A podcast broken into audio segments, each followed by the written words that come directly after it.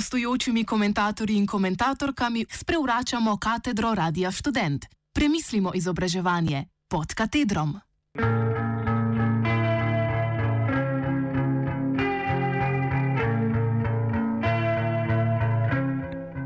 Nastajanje usporednega visokošolskega sistema. 8. marca je državni zbor sprejel spremembe odloka o ustanovitvi samostojnega visokošolskega zavoda Fakultete za informacijske študije v Novem mestu. Spremembo odloka se ji dodajo nova študijska področja. Spomnimo, da je ustanovitelj fakultete Borut Rončevič, sicer privrženec politične stranke SDS, fakulteto ustanovil leta 2008 v času prve vlade Janeza Janše.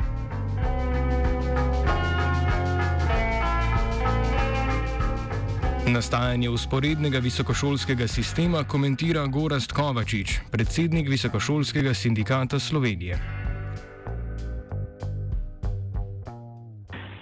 Državni zbor je pred kratkim dal soglasje k razširitvi dejavnosti Fakultete za informacijske študije v Novem mestu.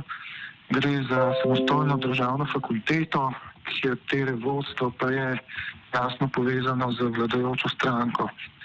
Jaz razumem to razširitev dejavnosti na celo vrsto novih študijskih področji, um, pravzaprav kot tlakovanje poti temu, da FIŠ postane še ena univerza. V novem mestu formalno že imamo neko zasebno univerzo, pač nek zavod, ki je dobil status univerze in vse kaže, da bi tudi FIŠ rad postal uh, še ena univerza. Um, zdaj, kaj to pomeni v nekem širšem kontekstu? Najprej bi rekel to, da uh, tako množenje univerz pomeni vračanje v preteklost, v prvo fazo tranzicije.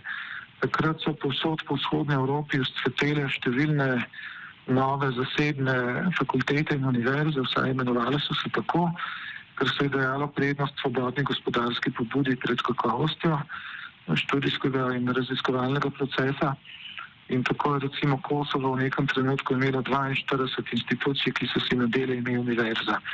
Ampak povsod po vzhodnji Evropi so potem v nekem trenutku začeli ustanavljati različna nacionalna telesa za kakovost, ki so um, začela preverjati, um, katere od teh ustanov so resne in si zaslužijo status ustanove, sprav status recimo univerze oziroma fakultete in pravico do, do javno veljavnega podeljevanja diplom, katere pa pač uh, so v resnici neki spodleteli podjetniški poskusi in tako je potem v drugi fazi tranzicije prišlo do krčenja števila teh institucij. Pri nas je taka ustanova, ki je bila ustanovljena s tem istim namenom nakvis. Um, zdaj, uh, kot lahko vidimo v zadnjih letih, uh, je v bistvu tako, da nakvis v resnici ni uspel odigrati svoje selektorske vloge. Tudi če je kje kakšno akreditacijo zavrnil, je bilo na koncu na sodišču vse dobljeno. In tako se nam v zadnjih letih množijo institucije s statusom univerze. In vse kaže, da gre za nek načrt, v katerem naj bi te male uh, mikrouniverzice uh, prevzele, dobile večinski vpliv v rektorski konferenci tem bi dobile pa tudi odločilen vpliv na kadriranje predstavnikov univerz v različna nacionalna telesa, recimo kot je svet za visoko šolstvo, pa svet za znanost in tehnologijo, pa seveda sam nakvis. In s tem bi lahko te, te koalicije mini univerzic vplivali na pravila uh, regulacije visokošolskega prostora. Končni cilj je pa seveda kolikor se da avtomatičen dostop zasebnih zavodov do proračunskega denarja. Ali je to dobro za kakovost visokošolskega prostora, za same uporabnike, za študente, je drugo vprašanje. Jaz še vedno mislim, da bi Nakvis pač moral uh, tu odigrati vlogo selektorja, ampak žal ni bilo tako. In potem je v nekem trenutku ministrstvo dobilo idejo, da bi pa ministrstvo prek novega zakona resetiralo celoten sistem koncesij in bi um, država v zakonu postavila neke pogoje, ki jih morajo zavodi uh, izpolnjevati, zasebni zavodi, če želijo dobiti koncesijo.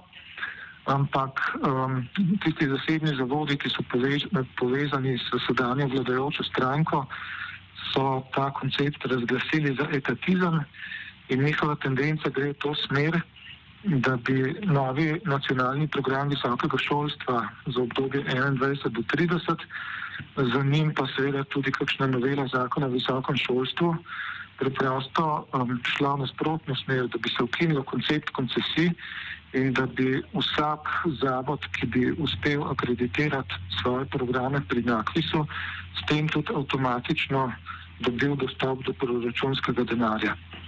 In če kakšno od teh ustanov razumemo kot think tanke, trenutno vladajoče stranke, to seveda pomeni trajno financiranje dejavnosti, ki so tudi v nekem strateškem interesu te stranke uh, iz proračunskega denarja, tudi v obdobjih, ko ta stranka ni na oblasti.